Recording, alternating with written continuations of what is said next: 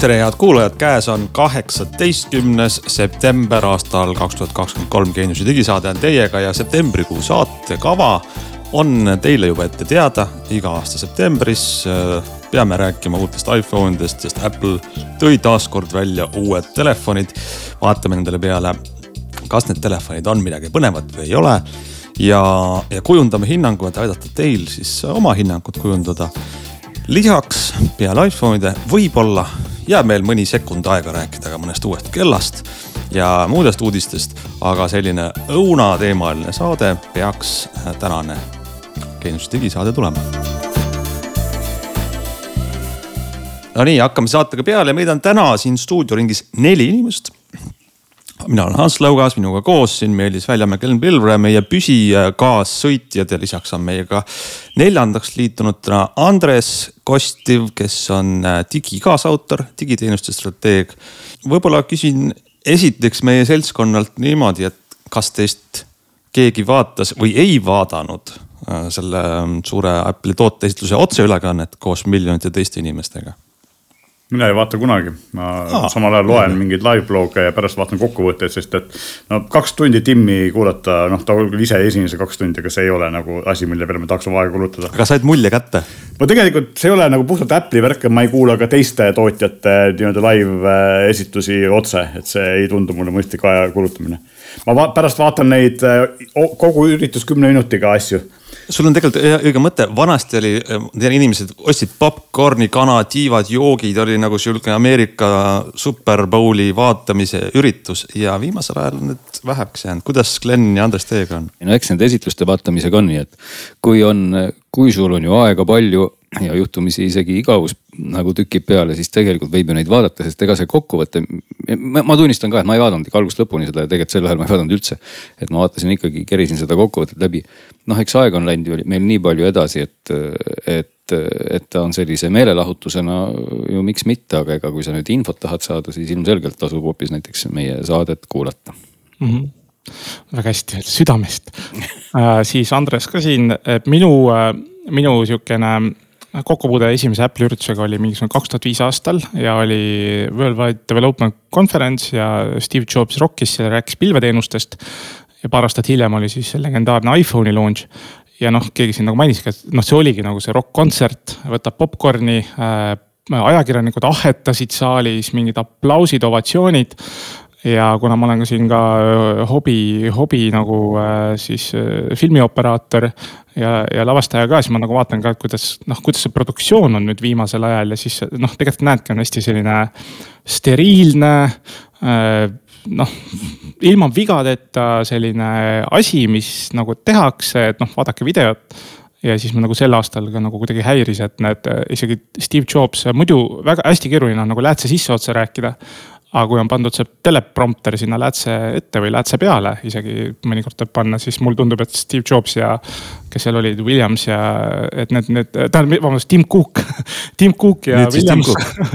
Et nemad, mis äh, nagu rääkisid veel läätsest üle ka, et kuidagi väga imelikult äh, noh ei olnud see nii nagu selline rokk-kontserti tunne, aga jah, ma jälgisin äh, laivi, et lihtsalt kuidagi laivina selle uudise kätte saada, aga ma olen ka nagu Meelis vaadanud, vaadanud mingitel hetkedel äh, neid nii-öelda ei no eks võikski öelda ju, et ega otseselt staari ju tegelikult ikkagi noh, ei olegi enam juba ammu, eks ole, kui sa mainisid seda härrat, keda kahjuks enam ei olnud, siis tema ikkagi omal ajal ju noh, ta ikkagi kehastus selliseks staariks kes seda asja nüüd vedas, aga, aga nüüd noh, Tim yeah. Cook on selline eh, tore muhe onu ja, ja ka teised eh, tädid ja onud lihtsalt eh, noh, nad, nad ei eristugi otseselt millegagi, aga, aga noh, me ei peaks vist võib-olla tõesti siia siis kinni ei, jääma, et ega. ei peaks, aga ma tahan ja. sinu mõttele lisaks ühe öelda, et tegelikult see näis väga teadlik, et isikukultust enam ei ole. Seal järjest mm. erinevate osakondade ja valdkondade spetsialistid, mitte ainult juhid, vaid ka insenerid räägivad oma valdkonna tööst mm., et see on, see on nagu huvitav. kuulge, aga tõesti jah, lähme siis selle sisu juurde ja võib-olla alustame telefonidest, sest eks need on ju need, mis kõige suurema tähelepanu osaliseks saavad. iPhone viisteist tuli välja. õigemini ma loetlen alguses ära iPhone viisteist ja viisteist Pro ja nad mõlemad on siis äh, nii-öelda kahes, samas äh, nomenklatuuris, et suurem viisteist on iPhone viisteist pluss ja suurem Pro on iPhone viisteist Pro Max. ähm,. vaatame sealt rivi algusest, et iPhone viisteist äh, on vist selline nagu eelmise aasta neliteist, aga natukene parem, hästi natukene. no ega tegelikult peakski võib-olla kohe algusest tõmbamagi selle tehnilise poole siis kiirelt lauale. nii palju, kui seda seal üldse on, sest ega ju väga palju ei, ei ole, et mis muutus muutus ilmselt kõige nähtavam osa loomulikult on seesama laadimisport, millest me saame ka võib-olla siin pikalt filosofeerida, ehk et Lightning nüüd siis läks erinevate survete ja väliste või sisemiste tõttu siis nüüd USB-C-ks. mis on ju Apple'i teistel seadmetel olnud juba varemgi ja ja ega muus osas noh, tuli natukene juurde kiirust jälle, eks ole, Pro mudelid said omale siis eh, järgmise generatsiooni kiibi eh, seitseteist, A17, teistel viieteistkümnel on ta endiselt siis kuusteist, paarkümmend protsenti rohkem kiirust, akumahud põhimõtteliselt samad. laadimiskiirud, kiirused kas samad, kaamera, sensor, kui ma ei eksi, sai juurde palju megapiksleid aga ega sisulist poolt väga kokkuvõttes nagu ei olegi, nii et eks me jõuamegi nüüd nagu sinna, et et ega noh, mingisugust üllatust kindlasti ei tulnud. Kaamerate mõttes, me rääkisime muide, et Pro Max mudel saab kümnekordse optilise suumi, ei saanud, sai viiekordse, aga noh, hea seegi, et kahtlemata sellist ei ole ju Apple'il varem olnud ja eks me nendest andmesidekiirustest nüüd jõuame ka varsti võib-olla rääkida, et võib-olla ma nüüd unustasin midagi ära veel, mis siis neile juurde pandi. võib-olla materjalid mm, teaduse koha pealt siis ka, et ähm, kallimatel mudelitel on titaankorpus ja, ja kõikidel mudelitel on nagu sisse ehitatud äh, see keraamiline klaasikaitse. ja, ja muidugi siis äh, süsinikuneutraalsus oli suur, suur teema, vähemalt jutus ette ja taha, mida siis ka iPhone'ide ehituses. kui me räägime kahest tavalisest mudelist, tegelikult kaks asja, mis on muutunud, mis välja ei paista, üks on see või noh, välja ei paista siis, kui sa pilti vaatad, eks ole. üks on see, et ekraani heledus on kõvasti parem ja teine on see, et kaamera on, põhikaamera on kõvasti parem, ehk sama, mis eelmise aasta Prol oli, neljakümne kaheksa megapikslit, peaks püüdma rohkem valgust, on ju mm. -hmm. et need on nagu muutused, mida sa pildilt ei näe, aga mis peaksid teda kasutades välja tulema mm -hmm.. võib-olla sihuke minu meelest väga suur kokkuvõte on, et see iPhone viisteist on põhimõtteliselt eelmine aasta, eelmise aasta Pro sisuliselt ja lisame sinna selle USB-C pordi ja ongi olemas, aga see iPhone viieteistkümne häda on see, et, et, et just tema versioonil on see aeglasem, vist USB-C kaks äkki. Ja siis äh, nagu tänu sellele, mis on siis Prol on siis äh, A17 Pro protsessor ja sinna protsessori nurka oli siis tehtud mingi USB, USB-C kolme mingi kontroller. ja et see siis teeb neid hästi, ma ei tea, palju see oli, mingi kümne gigabitiseid andmevahetusvõimalusi, et see on sihukene huvi, huvitav nagu.. sa avasid juba huvitava võrdluse, et kui nüüd on inimene, kes on oodanud pikka aega, et ostaks uue iPhone'i endale mm ja, ja praegu on ju poes väljas iPhone neliteist Pro mm.. ja siis tuleb sinna kõrvale uus iPhone viisteist. jah, sul on üks kaamera selgelt vähem, mida, mida, mis seal kalkulatsioonis veel erinevat on, mida siis selline ostja peaks vaatama? Mis te ütlete no,? minu jaoks on see, mina, kes ma ei ole igapäevaselt iPhone'i kasutaja ja iga kord, eh, nagu ma Hansule enne saadet ütlesin, iga kord ma imestan, kui ma kuulan või vaatan tagantjärgi seda Apple'i keynote'i kokkuvõtet, et oi, et ma ei teadnudki, et iPhone'il ei ole seda ja et iPhone'il ei ole seda ja et nüüd alles tuli, et Androidil on juba ammu. sel aastal neid kahte asja või neid asju ei olnud, aga kaks asja, mida ma märkasin, mis on siis eh, mis on minu jaoks nagu jabur, et Pro'l on ja tavalisel iPhone viieteistkümnel ikka veel ei ole, üks on see, et pea tuhat eurot maksval telefonil on kuuekümne hertsine ekraan, see on nagu noh, tule taevas appi. ja teine asi on see, et äh, always on display'd, et see oli asi, mida ma ei teadnud, seda ma teadsin, et, et ka eelmine aasta oli kuuekümne hertsine ekraan, eks ole, odaval mudelil. aga et always on display on ka ainult Prodel, et seda, see oli minu jaoks üllatus, ma kogu aeg arvasin, et kõigil iPhone idel on see. et äh, noh, see on ka imelik, et maksad nii palju ja siis ma ei saa nagu, saan nii vähe ühesõnaga no aga räägime võib-olla ka selle, siis selle pistikute USB-C asja ka nii palju tõesti lahti, et, et see tüüp ju nüüd muutus, kuna EU seadused, reeglid ütlevad, et järgmisest aastast siis kõik mobiilsed seadmed peavad olema selle USB-C pistikuga. kas nüüd see on ainus põhjus? see ei ole ainus põhjus. see ilmselt ei ole ainus põhjus ja teine põhjus muidugi on ka, võib öelda see, et ega Lightning connector oma olemuselt ikkagi on pidanud vastu ju pealt kümme aastat natukene.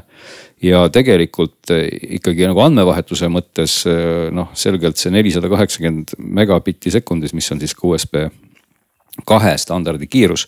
noh, tänases mõistes ju enam väga suur kiirus ei ole, aga siis USB-C-st mahuvad läbi igasugused muud imepärased protokollid. USB kolm ja ka isegi tulevane neli ja Thunderbolt ja nii edasi, ehk et see USB-C konnektor ikkagi on oluliselt tulevikukindlam. aga nüüd väike trikk on selles, et kõik need telefonid said selle konnektori või pesa uh. -huh aga siiski kahest lahjemast ehk iPhone viieteistkümnest iseenesest ikkagi andmeid mahub sellest kaablist, kui keegi tahaks neid sealt läbi saata, ikkagi siis nelisada kaheksakümmend megabitti, täpselt nagu USB kaks on. ehk mitte siis sugugi rohkem ja nagu nüüd Andres mainis, siis Pro mudelid said siis USB kolme toe ja ka mitte ikkagi Thunderbolt nelja tuge, nagu siin spekuleeriti, et, et sealt hakkab lausa mingi paarkümmend gigabitti läbi surisema või isegi veel rohkem, et see ikkagi on siis täna kümme, see kiirus, mis siis Pro mudelid said, aga üks väike trikk on veel, et karbis kaasas oleva kaabliga seda ei juhtu et, et see on nüüd järgmine koht, kus Apple siis proovib natuke käsi väänata ja müüa ka eraldi Apple'i sertifitseeringuga kaablid ilmselt, mille eest küsitakse palju raha. Mis sisuliselt ei ole mitte midagi muud kui lihtsalt ühed vastavalt kiirust läbi laskvad kaablid. ja siis tuleb see kaabel sinna juurde osta ja siis saab tõesti sealt selle kümme gigabitti kätte ja teine asi on ka nüüd muidugi laadimiskiirused, et USB-C auk võimaldab ka rohkem laadimisvõimsust, eks ole, seal on power delivery standard, mis põhimõtteliselt äh, siis teoorias on lausa kakssada nelikümmend äh, vatti, eks ole, aga teadupärast äh, iPhone'id just väga usinalt ei lae, et need laadimiskiirused on seal kõik paari-kolmekümne vati juures parimal juhul. Ja nüüd samamoodi siis Apple pakub ka mingit ülikaablit, mis võimaldab maksimaalset võimsust, aga noh, jääb nagu küsimuseks, et, et kuhu seda võimsust siis nüüd saata, et telefon seda just vastu ei võta teate, ma arvan, et see laadimiskiirused ja see kõik see jutt, et oi kui halb, et Apple tegi ühe USB-C pistikuga, jättis kiirused erinevaks, siis mitte kedagi ei huvita, huvitavad ainult neid, kes on tõesti seda, seda kümme inimest või ütleme siis tuhat inimest, kes on profid ja kes teevad sellega videot. Eh, tavaline ei, kasutaja, tavaline kasutaja ei, ei ole aastakümneid pistnud oma telefoni külge kaablit selleks, et asju vedada. kasutab AirDropi ja rahu majas, eks ole. ma arvan, et ma just tahtsin küsida järgmiseks, laadimiskiirus võib veel huvitada, aga näiteks noh, Andres, ütle sina, sa ütlesid, et tegeled ka filmimaailmaga kas see, kui sul paned juhtme järgi, sind huvitab andmekiirus, ülekandekiirus, oled filmitegija, siis küll, aga neid inimesi ja. ei ole nii palju ja need ostavad no, Pro. küsimus ongi see, et kui sa ikkagi reaalselt äh, kasutad äh, iPhone'i, äh, noh, ütleme jah, et ma nüüd filmiproduktsiooniks täna, et mingit järgmist, ma ei tea, Rain Rannu mingit filmi filmida iPhone'iga. no ma ei tea veel, ta lihtsalt seda optilist sügavust ja asja kõike nagu ei ole nagu piisavalt, kuigi noh, ai mõtleb seda juurde ja aitab aga noh, jah, küsimus on pigem see, et need, kes teevad tõesti ka neid sotsiaalmeedia nagu noh ega story sid ja narratiive, sihuksi nagu videosid, Youtube'i videosid.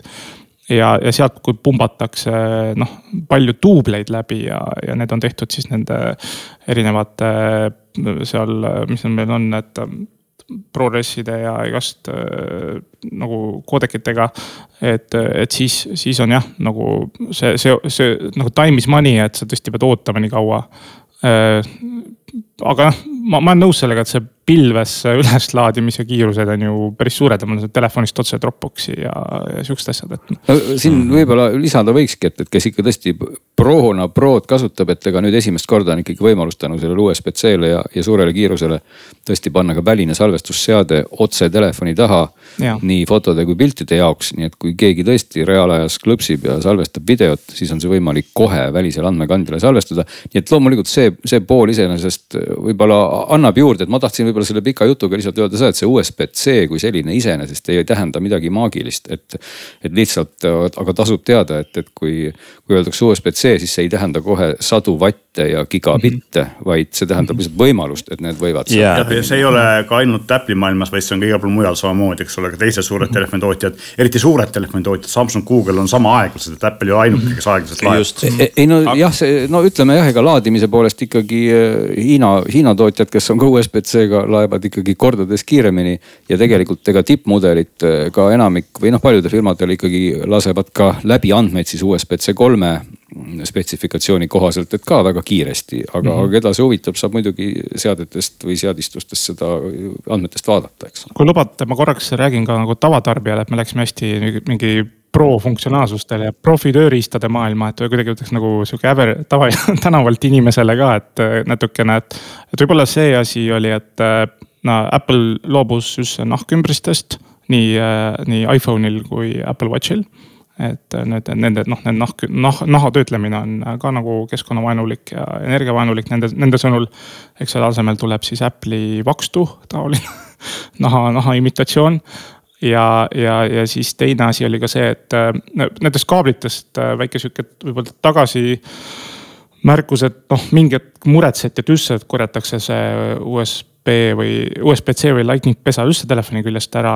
aga mina teeks nagu näpuviibutuse Apple'i suunas, kus minu peres olid mõlemad siis MagSafe, selline ümmargune latakas, mis käib seal telefoni taha siis äh, äh, noh, üle, läbi magnetilaeb on ju, MagSafe'i laadijad olid mul mõlemad kodus mõlemad iPhone äh,, iPhone'id, eks ole äh,, mis toetavad seda ja, ja siis olid originaal äh,, ühel oli silikon, teine oli nahkümbris ja mõlemaga juhtus nagu peale umbes aastast kasutust hakat-, hakkas jupsima case, noh selle ümbrise ja, ja Apple'i enda telefoni vaheline see MagSafe'i laadimisühendus, nii et põhimõtteliselt mõlemad MagSafe'i laadijad on kuskil elutoa sahtlis nüüd ja lükkan mingisuguse Xiaomi mingisuguse USB-C mingi laadimisklotsiga lihtsalt nii palju, kui tuleb sinna otsekaablist sisse, et noh, üritan seda kiirlaadimist saada, mida Glen siin mainis et need kaab-, kallid kaablid ei ole alati nagu, nagu head Apple'is no,. kaablid on üldse probleemsed, aga, aga noh, mitte ainult Apple'il, aga üldse kaablitega on palju probleeme, aga kaablitest rääkides, siis tegelikult ju. miks USB-C ikkagi on hea asi ka nendele inimestele, kes elavad nagu puhtalt ainult Apple'i ökosüsteemis, rääkimata neist, kes kasutavad erinevaid seadmeid. siis tegelikult ega iPhone on ju praktiliselt viimane seade, okei okay,, AirPods Max on ka veel Lightning'u pesaga, aga millel on, millel ei ole USB-C-d, ehk siis kui sul on MacBook ja iPad ja võib-olla veel mingisugune Apple'i monitor, siis tegelikult sa saad ju laadida ühe seadmega, ühe laadija, ühe kaabliga nüüd kõiki asju, eks ole, et see on tegelikult ikkagi kasulik liigutus ja. ja vähendab neid erinevaid kaableid, mis sul peab olema kotis kaasas, eks ole, et see on tegelikult kasulik kõigile. see, et sul mingi hunnik vanu kaableid järgi jääb, see on ajutine ülemineku probleem. teine küsimus on muidugi see jah, et mis edasi saab, sest et noh, Apple ikkagi vähemalt kuulujutude järgi püüab eh, saada oma telefonid portide vabaks ja noh, teine asi, mis tegelikult ju muutus, on see, et, eh, et MagSafe'i edasiarendus G2 näol, mis tuleb universaalseks standardiks ja iPhone viisteist seeria on esimene telefon või telefoniseeria, mis seda toetab. ilmselt aasta lõpuks me näeme tohutut kogust G2-ga laadimistarvikuid ja muid tarvikuid, eks ole, mis tähendab seda, et, et tegelikult sellega avatakse see nii-öelda võimalus universaalseks juhtmevabaks laadimiseks, mis võib sillutada teed selle laadimispordi kaotamiseni, eks ole lõpuks. teine, teine eeldus on see, et airdrop Windowsile ja siis vist ongi nagu lahendatud ka see andmeedastuse probleem, ainuke, ainukesed inimesed, kellele probleeme võib tekitada, on profid jah, kes tahavad Just, suur, suuri faile liigutada nüüd, kui me korraks zoom ime välja tänasest päevast ja kuust ja aastast, siis tegelikult ju Apple esimesena lahendas selle probleemi ära, et mis pidi juhe läheb seadmesse. mäletate mikro USB-d, sa panid alati valesti selle on ju, eh, lightning uga. no, no see oli nagu nende oma tehnoloogia, siis tuli ülejäänud tööstusharu järgi, tegi selle universaalselt sisse pandava pistikupesa USB-C näol.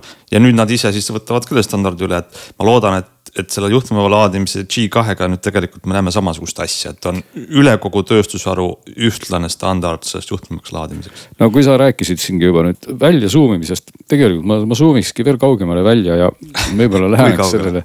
no nii kaugele, et kui vaataks seda kohe selliselt äh, kusagilt kuu pealt, et mis toimub et iseenesest ütleme nii, et viieteistkümne aastaga ei olegi ju eriti midagi toimunud, kui me räägime siin, et on jah pisikeseid kaabli asju tehtud ja, ja mõningaid muid asju.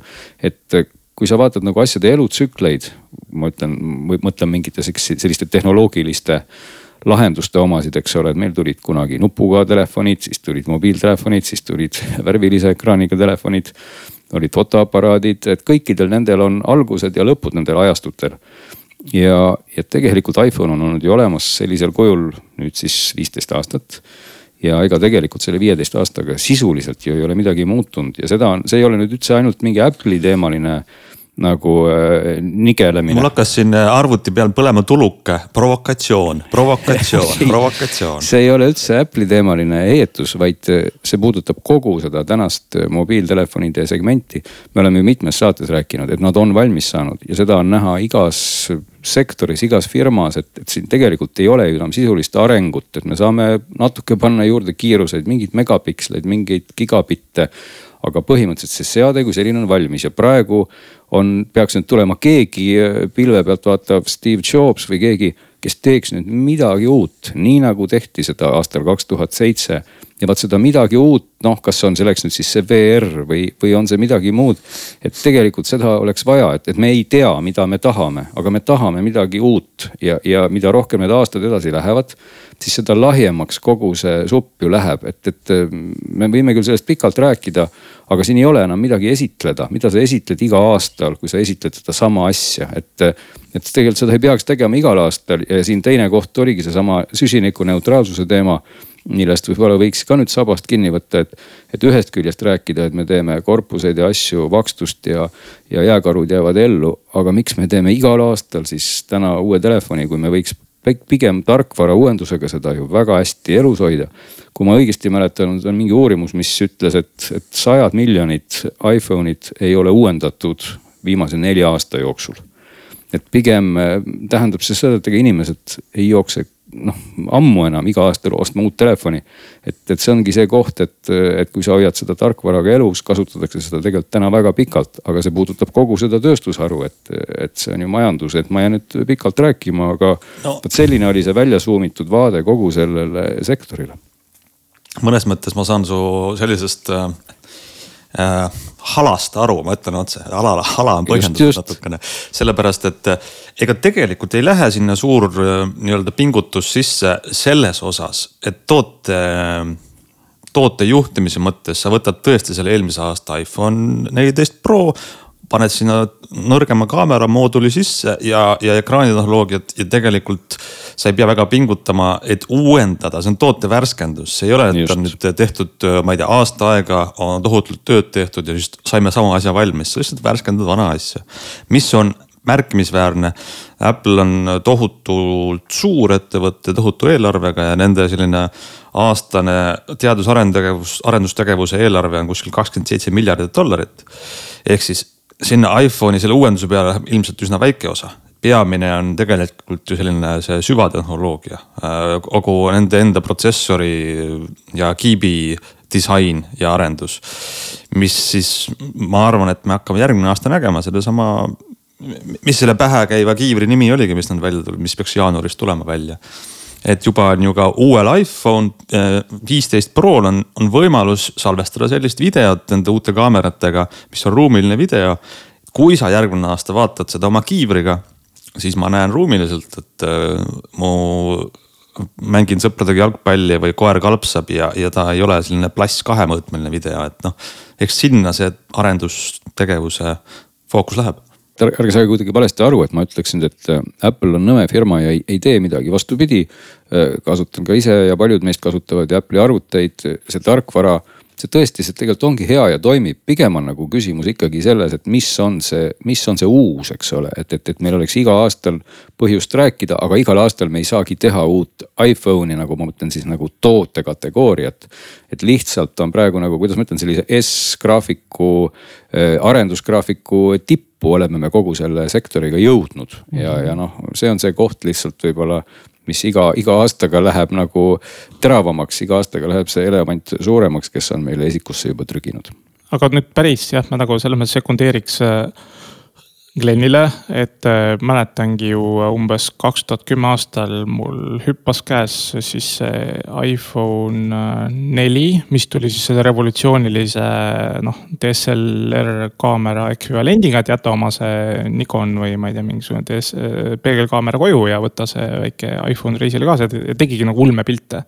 Ja, ja, ja siis ma vaatasin, okei okay,, mis ma veel tol ajal tegin, et siis ma võtsin selle iPhone nelja peal, lugesin meile siis mul oli, olid ilmselt need juba äpipood tuli vist kolmanda põlvkonnaga peale, siis mul ilmselt oli mu see mingit pidi oli Facebook olemas, kas brauseris või äpis. sotsiaalmeedias juba olin ja lugesin meile ja tegin pilte ja vaatasin netti ja kuulasin podcast'e. ja ma kerin kiiresti siia ja nüüd vaatan, et okei okay,, et, et mis on nagu see tippmudel, no siis oli see tippmudel, eks ole, mingi iPhone neli on ju oma, oma omadustega, nüüd on see tippmudel Pro Max. mis ta nüüd maksab? Pro Max siin algab meil umbes, ütleme, Pro Max oli pooleteist tuhande euro tasemel. vot nagu, hinnateema on.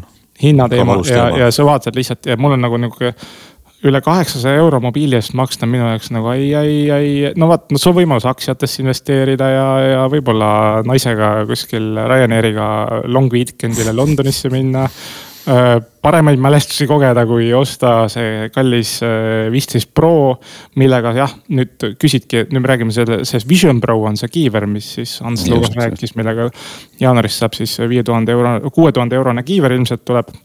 Ma ise ka virtuaalreaalsust kasutan, on ju selle meta, meta, meta kiivritega, aga aga no küsimus on see, et no kuidagi Apple'il on nagu nagu suslikud või siuksed nagu natukene küünilised, et umbes, et, et, et kui sa nüüd tahad oma mälest nagu, et et mis mõttes sa koonerdad oma mälestuste, koonerdad oma mälestuste salvestamisel, et ikka, ikka Proga lased selle, selle ruumilise video lapse sünnipäeval ja siis ostad selle kuuetonnise kiivri, et seda taasesistada, et mis mõttes sa siin koonerdad nüüd, et ei odavalt salvestad oma mälestusi, et noh, umbes sihuke, sihuke suserdamine läheb sisse ja noh, me jõuame kelladest ka rääkida, aga kellal, kellal tuli siis noh, sihuke võimalus, et saad näpuotsa siis kokku klõpsutades siis neid kõnesid vastu võtta ja siukseid asju teha, et, et sa ei pea kellale enam vajutama. ma vahepeal joostes kunagi vajutasin ninaga, aga siis jälle noh, see Markus Brownlee, Youtuber, MKBHD, ta ütles ka, et see on nagu sihukene sneaky äh, lähenemine, et sa juba nagu neid äh, Vision Pro interaktsioone tood sisse äh, tänastele juba seadmetele. ja ongi üks suurem, suurem selline noh kallikraami müük noh, aga nüüd küsimus, et kas seda päriselt on inimestel vaja, kas see on kriitiline, kas see teeb õnnelikuks? noh, ma ei tea no,. see, see, et sa juba kellasid muidugi mainisid, võime kelladest paar sõna ka rääkida, ega seal väga palju nendest muidugi rääkida ei olegi, aga iseenesest see, et tuua selliseid nutikaid kuidas ma ütlen, kasutusmustreid, milleks kahtlemata see kahe sõrme klõpsutamine on see on väga suur pluss ja seda peakski Apple'i-sugune või mis tahes teine äge firma tegemagi rohkem, et, et noh, tooma sisse asju, mis tõesti võib-olla muudavad meie kasutuskogemust paremaks, aga noh, kahtlemata sa ei saa nüüd tervet nagu aastat võtta siis kokku, et me nüüd saame kahte sõrme klõpsutada ja siis kõik me sellest ruigame rõõmust aasta läbi ja klõpsutame neid sõrmi, et see on ikkagi selline nagu noh, nagu ütleme inkrementaalne nagu lisandus, et kui me kelladest muidugi veel räägime. Äh, mina väga palju muide ei mäletagi, äkki keegi teab täpsemalt, mis seal kellades juhtus, natuke tuli seal akut juurde, aga sealt vist peale. ja ma, ma teen kelladest, ma korraks tahaksin selle nagu meil on ka nagu ärikasutajad või tavakasutajad, ärikasutajad, kellel ka nagu rahast kahju ei ole või ettevõttel aastaeelarve lubab äh, siis premium telefonile uuendada, et kui me räägime siis Pro ja Pro Maxist ikkagi kokkuvõttes, siis seal üks huvitav omapära oli see, et see, mis oli heli vaigistamise legendaarne nupp mis käib üles-alla et äh, see sai nüüd Tõsi, äh, nagu jah. funktsionaalsus, et kui pikemalt seda all hoiad, et siis paneb telefoni vaikseks. Äh, noh, sihukene lisa, lisavidin, et, et, et ja teine asi oli siis nüüd tuli ka see suurem haip nagu titaanist korpus või noh, kere esimest korda iPhone'i peal ja minu meelest seda kasutati Watch Ultral e-, eelmine aasta, kui ma ei eksi. ja ja, ja siis noh, umbes ka, et see lubadus on see, et okei okay,, et kogu see iPhone on siis kompaktsem ja kergem, ehk siis selle ekraani äärringiratast, et noh käes tundub paremini. Äh, see Markus Brownlee Youtuber ütles ka, ta, ta, ta pillas eelmise aasta seda iPhone äh, äh, noh, eelmist neliteist Prod nagu korduvalt vastu maad kogemata, eks ole, ja, ja jäi nagu ka terveks üldiselt, et noh, nüüd see jutt vist läheb sinnapoole ka, et umbes, et umbes titaanist korpus ja siis ekraani tehnoloogia on ka nagu niimoodi, et katki ei lähe võimalikult hästi lihvitada, et neid ümbriseid põhimõtteliselt väga ei peakski nagu ostma. noh, see on nagu premium kasutajale võib-olla tore, noh täna ostetakse neid kindlustusi, et ma ei tea, et ikka.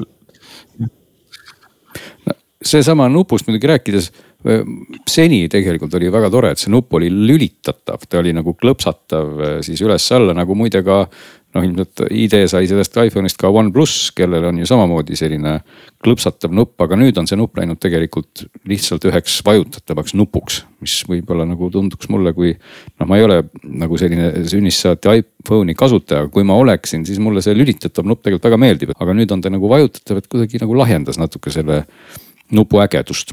me elame sellel ajal, sa Glen oled sõidad paljude autodega ka, me elame sel ajastul, kus igasugused füüsilised lülitid kaovad ja kõik muutub sellisteks nuppudeks. no vot seda ei oleks vaja teha, kui ma autosid juba sisse tõin, siis ma oleks väga rõõmus, kui ma saaks vähem puudutada ja rohkem vajutada, aga see selleks jah.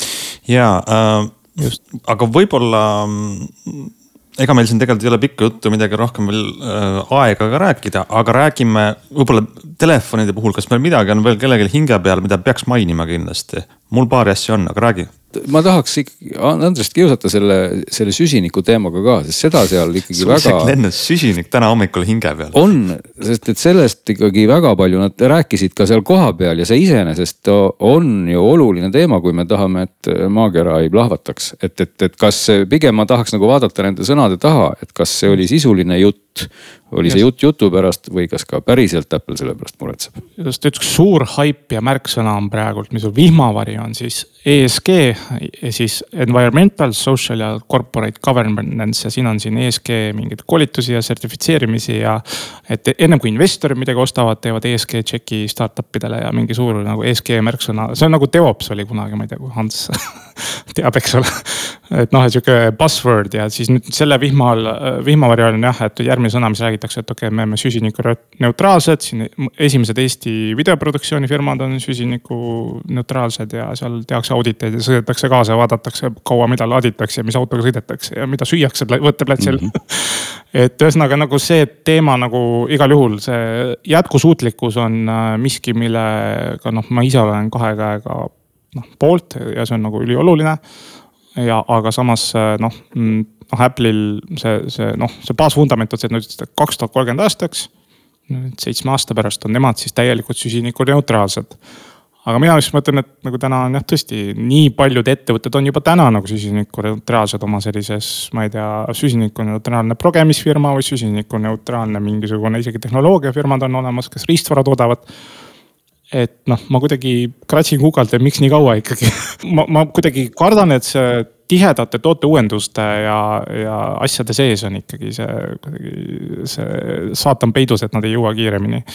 Jah, no ja teine asi on ka see, et ega eh, väga huvitavaks läheb ka siis, kui ikkagi hakkab see aku vahetatavate akudega telefoni reglement meile silmapiirile jõudma, mis peaks ju olema aastaks kaks tuhat kakskümmend seitse ja mille kohta Apple on ju ikkagi väga selgelt öelnud, et ei lähe see kohe mitte, et nende telefonid hakkavad mingi kaane ja vahetatavate akudega olema, nii et. et see on selline kahe otsaga asi, et ühtepidi loomulikult tuleb näidata, et me päästame maailma, aga teistpidi tahavad investorid lugeda ka palju raha. ja sestap tuleb ka igal aastal seda raha millegagi teenida Apple on paljude asjade kohta öelnud, et see ei lähe kohe mitte ja siis nad on selle ikkagi lõpuks ära teinud, nii et eks me näeme, kuidas nad seda teevad, aga noh, teine küsimus, mis puudutab seda süsinikuneutraalsust ja, ja üldse keskkonnasõbralikkus tegelikult ongi see USB-C kaabli peale üleminek ja sama jutt, et ma saan kõik ühe ka,, ühe kaabliga laadida ja seal ongi ju tegelikult küsimus ju selles, et kui palju siis oli see nii-öelda Euroopa Liidu käte väänamine, kui palju oli siis see see uus äh, nende kliimaneutraalsuspoliitika, mida nad väga hoolega pasundavad igast, igast äh, kohast, kust võimalik, eks ole, või on see, et üks on põhjustatud teisest ja vastupidi. ja noh, teine asi muidugi on see, et mida ei tulnud ja mida kõik kartsid, on ikkagi see, et, et kuigi Apple teeb USB-C pesa, siis ta paneb äh, osad või, võimalused MFI luku taha, eks ole, et teeb mingit oma kaablit sertifitseerimisprogrammi. kuigi on USB-C pesa, et seda ka ei tulnud, nii et, et siin võib ka näha võib-olla natukene neid kliimaneutraalsuse eesmärkide selliseid äh, sarvi kuskilt välja paistmas, eks ole, et, et äh, mõistlikke otsuseid on tehtud, ma ütleks seda küll ja see ja see teistpidi jälle mõistlikud otsused on tihti väga igavad otsused, mis ei lähe nagu üldse ja. kokku Apple'i kuvandiga, et, et iseenesest oleks ju kaval on pigem Apple'il ikkagi teha nagu asju sellise, mitte sellise siis loosungiga jutumärkides, et EU nõudis ja me laseme kõrvad lonti. vaid pigem, et jess, meie teeme täna vahetatava akuga iPhone'i, mis päästab kõik pingviinid ja see tuleb ainult meil, üldse mainimata, et keegi seda nõuaks, eks ole, et mm. -hmm. et praegu nagu natuke ongi selle, selle USB-C uuendusega kuidagi nagu vastupidi läinud, et tegelikult EU justkui nõudis varem Apple puskles vastu ja nüüd siis nagu tegi, aga nüüd ei saa ju enam öelda, et tulge meie boksi, et me tegime midagi ägedat. ja aga tegelikult on ju see, et, et noh, see on üks asi on see, et EU nõudis küll, aga ikkagi iPadidele ja, ja tegelikult ka vist Macidele tulid enne, kui jah, kui see EU nõudma hakkas, nii et tegelikult Just. see, see võib ühte või teistpidi olla. küll on, ma ütleks, et Apple on üks väheseid, võib-olla ainus firma või, või kindlasti üks väheseid firmasid, kes ikkagi julgeb või noh, ütleme Apple'i juhid on üks väheseid julgeid, kes julgevad eh, nii mõnegi eh, asja puhul, mis on mõistlik, aga mis ei ole väga kasumit teenib, ikkagi nagu aktsionäridele vastu seista ja öelda, et ei, et me oleme moraalsed ja me teeme asju niimoodi ja mitte ei, ei hambatõstis ei teeni raha, eks ole, et see on väga, väga vähe esile, harva esinev asi ja see on hea mm. -hmm just ja üks asi võib-olla mul hingele jäi ikkagi ka see, et see kunagi kiruti aastaid seda Apple'i kulmu ma mäletan, millal see tuli. ja see kulmujutt tuli ja siis. kulm on surnud nüüd õnneks. kulm siin ja kulm seal ja siis see kulm korjati eelmine aasta ära, asendati siis äh, Pro mudelitel äh, siis äh, dünaamilise saarega, mis nüüd see tegelikult, kui ma nüüd võtan ülevalt alla seda kulmuala, et ennem oli kulm hõivas umbes neli millimeetrit ülevalt allapoole ekraanist, nüüd kogu see saareke, noh, mis on nagu infot esitab, see hõlmab peaaegu, peaaegu sentimeetri. aga Apple on selle oi-oi kui kasulikuks teinud, et sa saad seal igast asju teha, saad teavitusi, peaks selle harjuma. et ma ise täna pole veel seda dünaamilise saare nagu äh, sellist, äh, noh, minu jaoks ta on ikkagi juba nagu plönn keset ekraani nagu kuidagi. ma ei ole seda veel nagu ära ostnud, et, et need, kes nüüd iPhone viiteist ostavad, et nad, neid ootab ka siis see dünaamiline saareke seal, et siis äh, korraks vaadake, vaadake sõbra telefoni peal natuke, mängige sõbra telefoniga, et kas te, kas teil nagu tundub see nagu iseenesest okei okay,, et siin on paljudel.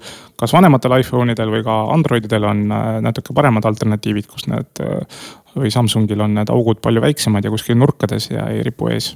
nii et see oli ka hingele üks asi, mis äh, oli uutes iPhone Prodes on nüüd sees, on veel üks uus raadio äh, sagedusel töötav tehnoloogia, see on siis see thread, mis äh, mille kasutusjuhtumid on, me veel siin avastame neid, et neid ei ole väga palju hetkel siin maailmas, aga, aga Thread peaks olema siis see juhtmevaba osa sellest uh, uuest Matteri nutikodu uh, juhtimise protokollist, et.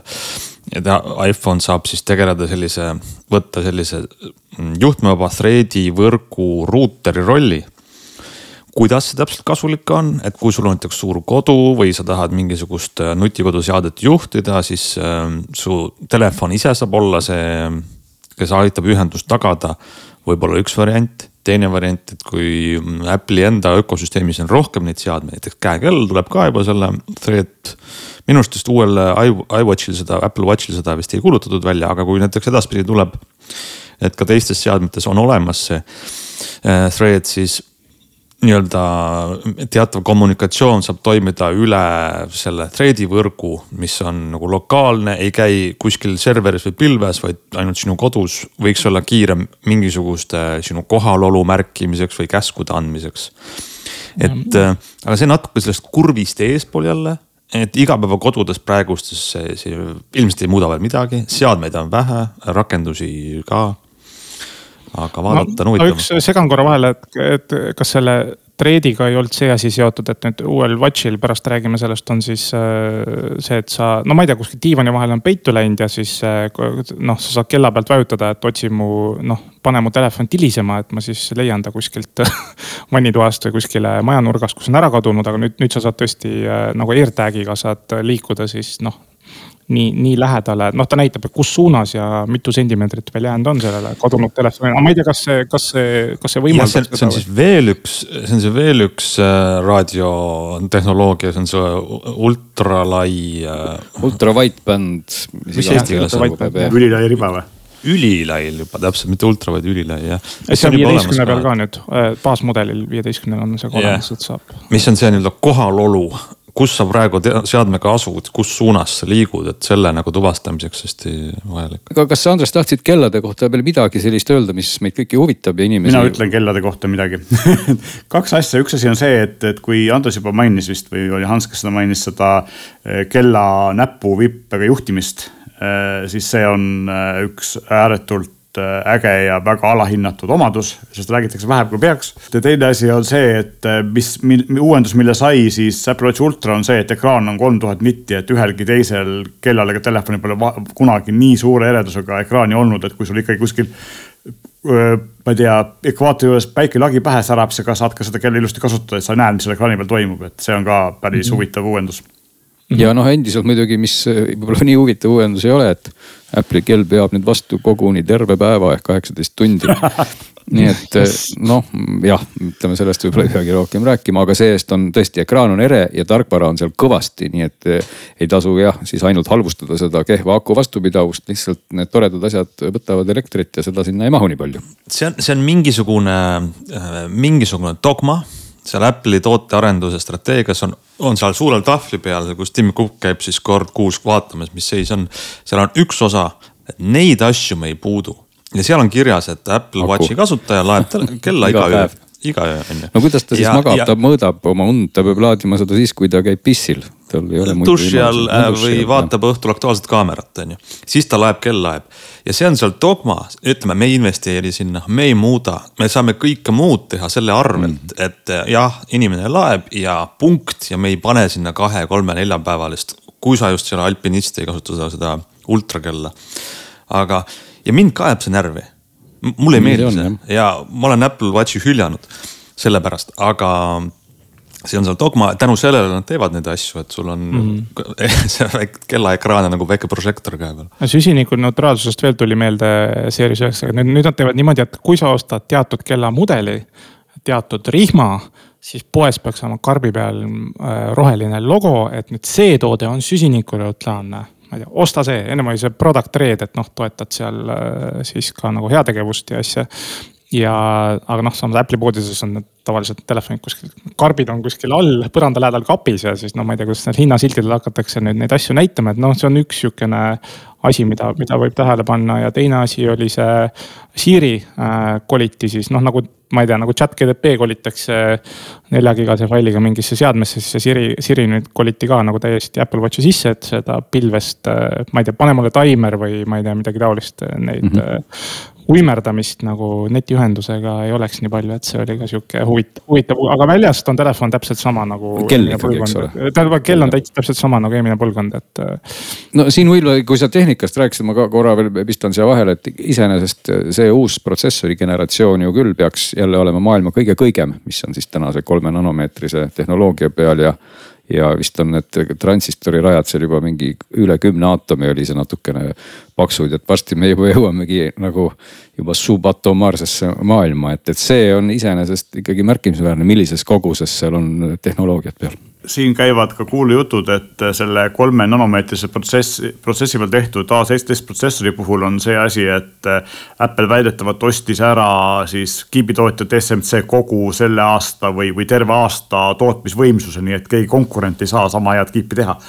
aga üks asi veel, et kui siin me räägime sellest, kuidas me otsime nüüd Apple'i toodete pakkide pealt seda süsinikuneutraalsuse kleepekat ja üritame planeeti säästa, siis juba on väga väike, aga väga häälekas seltskond, kes räägib, et kui nemad ei saa tähendab osta Apple Watchile Hermesi nahkrihma, siis elu läbi. no selleks on Hiina, Hiina tootjad ja neid ei huvita mingid regu, regulatsioonid, Aliekspress aitab alati noh. aga see ei ole õige originaal Hermes. kuulge, aga meil ei ole meie kuulajate tähelepanu igavesti, me peame hakkama otsi kokku tõmbama, aga ma arvan, et üks teema, mida me peame tõsiselt rääkima, on hinnad. hinnad, hinnad, hinnad, sest tegelikult see on kõige tähtsam teema ja ma avan siis oma selle nii-öelda kaevenurga eh, esimesena on see, et eh, iPhone viisteist Pro tundub hea telefon olevat, Pro Max näiteks maksab seal tuhat kakssada dollarit. tuhat ükssada üheksakümmend üheksa, nagu lubati laval. jah, dollarid on Ameerikas käibel, kui sa ostad Ameerikast telefoni, tuleb veel mingisugune osariigiti erinev maksukene juurde, mõnes suurem, mõnes väiksem. aga tuhat kakssada dollarit on, ma nüüd vaatan, selline valuutakurss, müün eurosid, ostan dollareid, ütleme, see võiks maksta nii tuhat ükssada, tuhat kakssada eurot. aga meil on imp impordimaks ka otsa, nii et tegelikult. meil on tegelikult olemas. tulema just, et miks me Euroopas maksame nii palju sellest, tuhat viissada. jah, meil on tegelikult olemas ju jah, Euroopa hinnad ja, ja tegelikult on niimoodi, et kui alguses räägiti, et saavad olema kõvasti kallimad, siis no väidetavalt Soome hindade järgi tuleb välja, et tegelikult see hinnatõus ei ole nii suur, kui alguses kardeti, et, et alguses kardeti tegelikult veel hullemaid hindu. kallid on nad nagunii, aga. no eks see on seesama koht, kus ikkagi tehakse väga täpseid arvutusi ja prognoose ja, ja ma nagu pakuks, et, et asjapulgad laua taga ikkagi loodavad sellele, et seda telefoni ikkagi ostetakse palju just selle nimel, et need paljud sajad miljonid, kes nüüd hakkaks täna telefoni uuendama, kellel on, ma ei tea, mis põlve omad, hakkaks uuendama, et siit ma tahaks võib-olla jõuda sellise tarbija nõuandeni, et millise põlvkonna Apple'i mees või naine peaks täna üldse minema uut telefoni ostma, kas kindlasti ei saa see olla iPhone kolmeteistkümne ega neljateistkümne omanik ega ka võib-olla kaheteistkümne omanik, et kui vana peaks olema telefon, et inimene täna tormaks rõõmsalt poodi uue iPhone'i järgi? kümme, ilmselt see, sest et äh, see ei saa enam vist uuendusi, eks ole, et see on nagu üks. no vot, sealt hakkab see aga... viie aasta piir ilmselt vastu tulema, eks ole, aga, aga noh, teistpidi need seadmed ikkagi ju, ju töötavad, nii et eks, eks see ongi see, see koht siis, et millal osta uus. teate, kui me räägime sellest süsinikuneutraalsusest, sellest, kuidas iga aasta toodetakse uusi telefone juurde ja kas seda vaja on, siis tegelikult üks äh, probleem on veel ju, mis puudutab nagu telefonide ostmist ja ümbervahetamist, et Eestis seda mm -hmm. küll ei ole või siin meil Euroopas on vähem, Eestis on eriti vähe, aga USA-s on ju see, et äh, sa põhimõtteliselt saad uue telefoni iga aasta niimoodi, et sa ei maksa midagi juurde, sest et need vana telefonist tagasi makstavad äh, tasud või nii-öelda vana telefon ostetakse ära, kui sa uue ostad mingisuguse põhimõtteliselt sellise hinnaga, et sa maksad mingi sada dollarit juurde, saadki endale kõige uue mudeli, seda tehakse väga palju. et operaatorid suruvad seal seda nagu tohutult ja see küll nagu mingit pidi, ma usun, et meie kliimaneutraalsuse ettevõtte eesmärkidele kaasa ei aita. okei okay,, need vanemad tagasiostud asjad müüakse kasutatuna uuesti maha, kas siis USA-s endas või kuskil Aafrikas, aga, aga see ei tähenda, et, et selles mõttes see võib-olla ei ole hea poliitika, et nagu nii-öelda soodustada seda iga aasta uue telefoni ostmist. äkki Apple teebki meelega, äkki ta, äkki Apple müübki sul selle hinnaga, mida sa ostaksid mitu telefoni telefoni järgmisel kolmel aastal. ja teine asi on see, et mis nagu Eesti seda Apple'it puudutab, siis ikkagi need tagasiostuhinnad, noh, on poole väiksemad, kui sa oma mm -hmm. Facebook Marketplace'is oma just, telefoni maha lükkaks, et äh, ma, ma noh, ei saa aru, mis, mis siinpool toimub, aga võib-olla tehaksegi kõik selleks, et sa ükskord ostad siin tuhande viiesajast ja sõidad sellega järgmised viis aastat. tegelikult üks asi, mis siin maailmas toimub, on, on see, et tegelikult Apple ise ega USA-s ei paku nii häid äh, tagasiostuboonuseid, kui pakuvad operaatorid ja operaatoritel on ju see, et, et kui meil sa saad ikkagi leti alt normaalse mobiilpaketi kümne-viieteist euriga, kui sa hästi otsid ja numbrit liikuma paned ja midagi teed. siis USA-s ikkagi sa maksad nagu normaalse mobiilside paketi eest sada eurot või sada dollarit, eks ole, sinna sisse annab igasuguse asja ära peita. et selles mõttes sa tegelikult maksad selle nii kinni, et siis ei tea seda. ühesõnaga, kui sul on siis täna iPhone kümme, siis me soovitame minna poodi ei, ei soovita, mina, mina tahtsin öelda, et äh, mina soovitan mitte seda numbri järgi vaadata, vaid oma kasut-, see number tihti ei pruugi olla see, mis sind peaks saatma, vaid et kui su telefoni kasutamine iga päev on juba valulik, midagi on aeglane, aku ei pea tervet päeva vastu, ta on sul sodi. Äh, no mis põhjuseid on ju veel tegelikult, sa teed pilti ja sa ei tunne sa ei tunne oma sõpru ära sealt pildi pealt, sest näod on nii udused või mürased. noh, et, et, et need on need asjad, mille järgi peaks vaatama, et pagan, mul on vaja uut telefoni. ei, aga selle probleemi Apple iPhone neljaga lahendas kaks tuhat kümme aastal ära, et sõbrad on udused, et noh, see on lahendatud. no näed, Glen iPhone neli käib ka. ei no see ongi no. lahendatud, ma tahangi ikkagi öelda, et vaielda sulle vastu, et, et see numbri vaatamine lõpuks või tähendab, et see, et, et sa vaatad sõprade nägusid ja võib-olla aku vastupidavust tähendakski, et sa võiks tänaseni võib-olla iPhone neljaga hakkama saada ja saadki. aga võib-olla ongi. 4S oli see, 4S oli see revolutsiooniline, vabandust. võib-olla 4S, ma arvan, et kui ma näeks kedagi iPhone 4S-i bussiga kõndimas.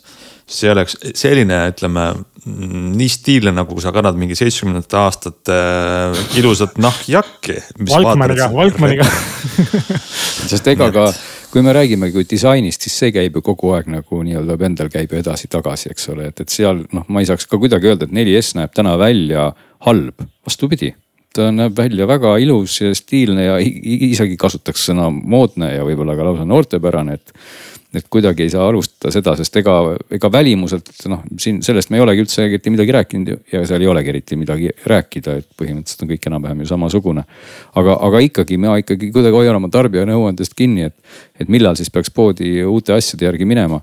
et tõesti siis, kui tõesti teie vana asi juba narmendab, et, et see uuendus praegu midagi muud ei tähenda ja, aga minust palju raskem küsimus, aidake mul sellele vastata, on see, et mida me anname tarbija nõuks inimestele, kes võib-olla ei vaja seda kolme kaamerat, viiekordset optilist suumi, seda kõige kõigemat, tahab lihtsalt head uut telefoni. kas on nüüd ja tahab uut head iPhone'i, kas on mõistlik ta, tal soovib võtta iPhone viisteist või viisteist Pro?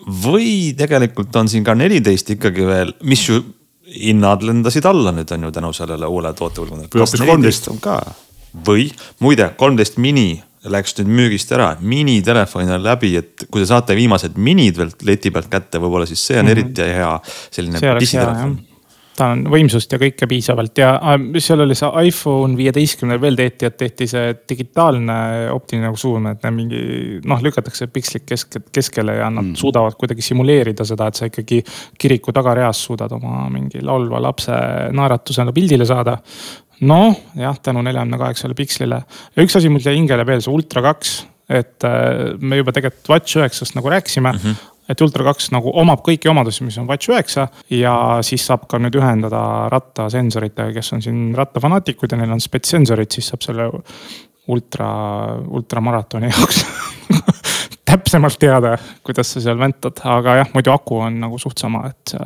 Ultra kaks, noh, väga suuri uuendusi ei saanud. me oleme siit saanud äh, umbes siis neljast nurgast erinevaid arvamusi ja, ja kindlasti tegelikult, kui nüüd telefonid jõuavad Eestisse ja müüki ja, ja lähemale tutvumiseks suurematele hulgale inimestele, siis saamegi veel nende kohta midagi teada, nende praktilise kasutatavuse kohta igapäevaelus.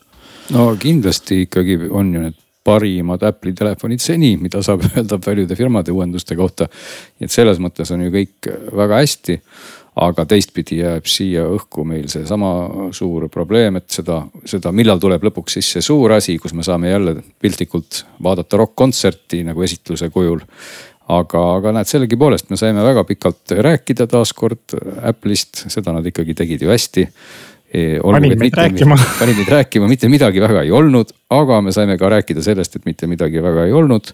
ja, ja teistpidi eh, endiselt ikkagi positiivse noodiga ma tahaks lõpetada, et Apple teeb ikkagi ilusaid ja töötavaid ju asju, olgugi et aku ei pea mõnikord neil vastu, aga see-eest on Apple'i arvutid väga head ja, ja, ja nii edasi nii et kuidagi ei, ei tahaks jääda nagu kõlama, et, et me, me ei tahagi anda seda hinnangut, et kas mingi firma on siis hea või halb aga, aga kindlasti neil on väga-väga palju innovatsiooni, aga nüüd oleks aeg ikkagi seda veel veel nagu jõulisemalt siis näidata mingisugusel hetkel. no vot, selliste sõnadega äh, ütleme aitäh osalejatele, kuulajatele ja tänane saade on läbi. kuulake meid jälle nädala pärast